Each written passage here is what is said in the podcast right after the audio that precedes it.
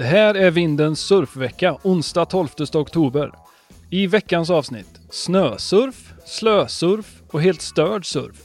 Men först tar vi en titt på hur surfet har varit här hemma. Veckan som gick var definitivt årets mest vågfyllda hittills. Med start i onsdags och ända tills i morse bjöds vi på vågor dagligen både i väster och i öster. Surf på menyn i sex av sju dagar händer ju inte varje vecka för oss stanna hemma-surfare. Så vi tackar och tar emot. Även om mina buris luktar mögelost, mina armar känns som potatismos och jag vadar runt i en hög av uppskjutna att göra-måsten. Okej, jag ska fylla på min kaffekopp och under tiden får ni lyssna till Surfprofessorn som ger er fortsättningen på förra veckans visdomsord. Varsågod David. Tjena! Eh, likt förra avsnittet så sitter jag även denna gång i bilen eh, på väg till ett surfsession. Nu är jag som halvvägs genom ombytet här. Förra avsnittet så svamlade jag någonting om känslor inför surf. Och också förväntningar vi kan sätta på oss själva inför ett surf. Som kanske inte alltid är i proportion med, med var vi befinner oss i livet. Det här avsnittet tänkte jag försöka mig på att konkretisera det genom att hur man kan göra på ett annat sätt för att vara snäll mot sig själv. Alltså, istället för att sätta förväntningar som inte är i proportion med vart man befinner sig någonstans som sedan blir bestraffade för man inte kan leva upp till det. Att på ett mer självmedkännande sätt sätta en intention med ett surfsession. Vad betyder då det att sätta en intention? Jo, en intention handlar om att skapa en riktning som känns viktig och meningsfull och på ett nyfiket och utforskat sätt se vad det leder en i surfet. Utgångspunkten här är att röra sig mot någonting, inte från någonting. Mot någonting som jag ska göra en, jag vill göra en, en bra pop-up istället för att jag ska inte ramla. Det handlar inte om att sätta krav på sig själv.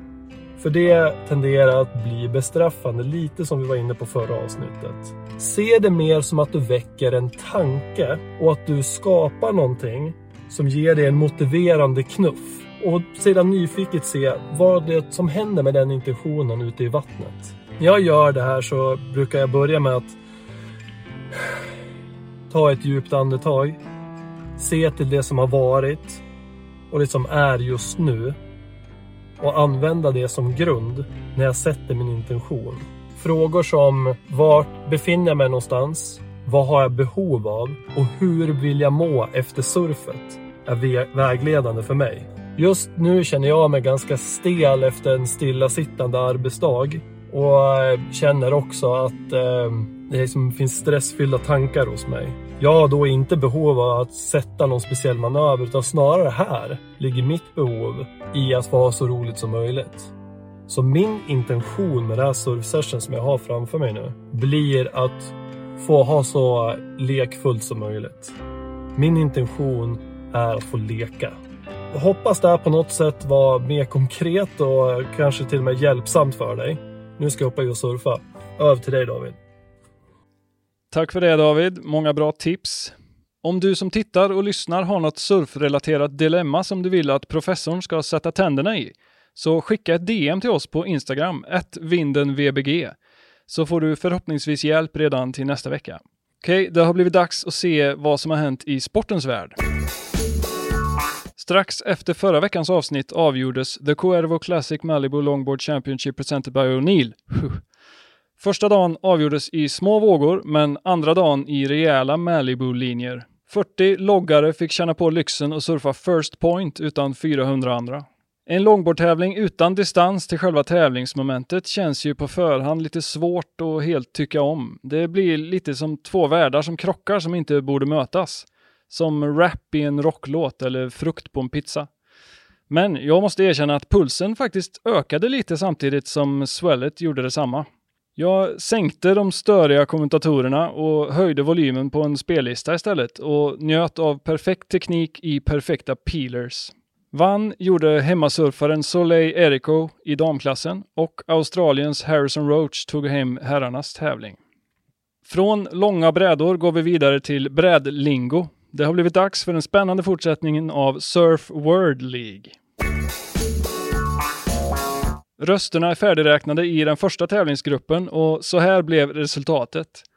I Heat 1 tog Vax en klar seger över Van med 75 mot 25 procent av rösterna. Vaxet sitter kvar och går vidare till nästa runda. Där väntar Neopren, som fick stretcha sig hårt men till slut vann över Nybräda med 57 mot 43. Tredje hitet stod mellan Palmer och Partyvåg och här var det ingen tvekan. Kokosnötterna knäcktes direkt av 75 procent av rösterna som samlades på en och samma våg. Den avslutande matchen blev också den jämnaste, men här var det Spray som till slut tog hem segern över Sand med 56 mot 44 procent. Och får möta den starka partyvågen i nästa heat. Vi går vidare med grupp nummer två, där vi hittar ett gäng surfiga manövrar. Det är ett stormöte direkt i första heatet, Cutback vs Tube. Ett grundläggande move eller det ultimata målet. I andra heatet tävlar Air vs Hang 10. Modern progressiv surfing möter en retroklassiker. Heat 3, Snap vs Carve. Vad är surfigast? Att kontrollera farten snyggt eller behålla farten snyggt? Och i sista heatet möts Layback och Cheater 5. Två specialare där en riktar sig bakåt medan den andra vill framåt. Röstningen startar nu på Vindens Instagram, vindenvbg, så skynda dig in där och rösta och missa inte nästa veckas avsnitt när resultatet och startfältet i grupp 3 presenteras. Det var allt från sportens värld över till vädret. Prognosen för veckoslutet ser ut att innehålla några vilodagar och en hyfsad helg faktiskt där söndag verkar bli den bästa dagen.